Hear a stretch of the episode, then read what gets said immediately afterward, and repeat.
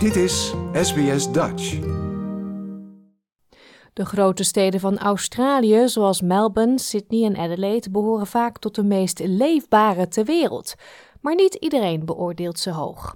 Uit een nieuw rapport blijkt dat First Nations, non-binair en vrouwen in dit land zeer slechte ervaringen hebben. Dit is SBS Dutch. Australië wordt minder leefbaar voor First Nations people en een paar andere communitygroepen. Uit een nieuw State of Place rapport van data-onderzoeksorganisatie PlayScore blijkt dat de leefbaarheid in Australië voor veel Australiërs over het algemeen is afgenomen. Maar First Nations mensen en non-binaire groepen ervaren dit het meest. Chief Executive van PlayScore, Kylie Legg, zegt dat het rapport benadrukt wat mensen belangrijk vinden in hun buurt. Uh, the census shows that um, what we all want are neighbourhoods that are green, walkable, that are really well cared for, and where we care for each other, as well as being quite compact in that there's sort of easy to get from your house to local shops or parks or other services. Voor het rapport zijn ruim 25.000 Australiërs met verschillende sociale en culturele achtergronden ondervraagd om een idee te krijgen van hoe het is om in verschillende gemeenschappen over het land te leven. De uitkomsten vormen de grootste sociale onderzoeksdatabase van het land met betrekking tot leefbaarheid en bieden inzicht in de tevredenheid en het welzijn van mensen uit verschillende plaatsen en demografische categorieën. Volgens het rapport varieert de leefbaarheid soms aanzienlijk, afhankelijk van de individuele buurten en de demografische samenstelling daarvan. De auteurs van het rapport suggereren dat niet alle buurten gelijk zijn en dat niet alle gemeenschappen dezelfde voordelen genieten. Mevrouw Leek zegt dat sommige minderheidsgroepen de laagste scores gaven voor leefbaarheid. The two groups, um, unfortunately, with some of the lowest levels of livability are those people um, who identify as First Nations or that don't identify as male or female. Um, we know these groups are some of the most vulnerable and kind of, I guess, because they are also in many cases minorities. But it really reveals that um, they're not experiencing the same levels of livability as the rest of the community, um, and it's across the board. So their scores are quite low across all 50 metrics.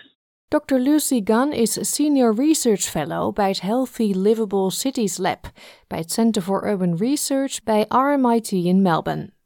Mevrouw Gunn zegt dat de resultaten niet ongebruikelijk zijn. We do know that a lot of Aboriginal and Torres Strait Islanders people, some of them live in low SES areas. So when we're looking at this from an objective point of view, um, using data that is uh, coming from the ABS, which is the Australian Bureau of Statistics, um, using their socio-economic index for areas, we tend to find that a lot of Aboriginal and Torres Strait Islander people live in poorer areas essentially. And so when they're looking at the quality of their environment, they're rating it um, given that it's a poorer environment. So what we tend to find is that we've got people who individually might be of low socioeconomic status, but then they live in these poor environments as well. Um, and so it's not really a surprise that we see them rating the livability of their areas uh, not particularly well in this report.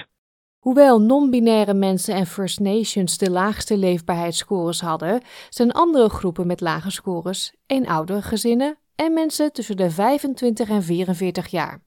Vrouwen bevinden zich daarbij op een lagere leefbaarheidsmatrix dan mannen. I think we have really revealed that there's a connection between the density of neighbourhoods, being lower densities are definitely less livable for the communities um, from their perspective, um, and that we also see a relationship between uh, poorer livability, um, social disadvantage, and economic disadvantage, as well as poorer mental health.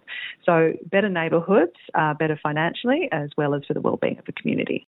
En mevrouw Gunn is van mening dat hoewel de Australische steden het goed doen, er in het hele land meer moet worden gedaan en dan vooral op het platteland.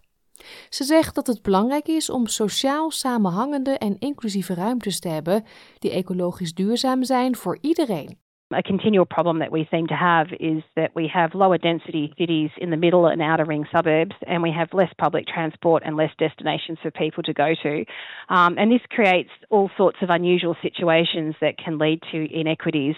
So, inequities in access to employment, um, inequities in access to education, and also we tend to end up pushing people um, because of how to, housing affordability and also availability now uh, onto the fringes. And so, this creates more inequities for, for certain um, groups of our society.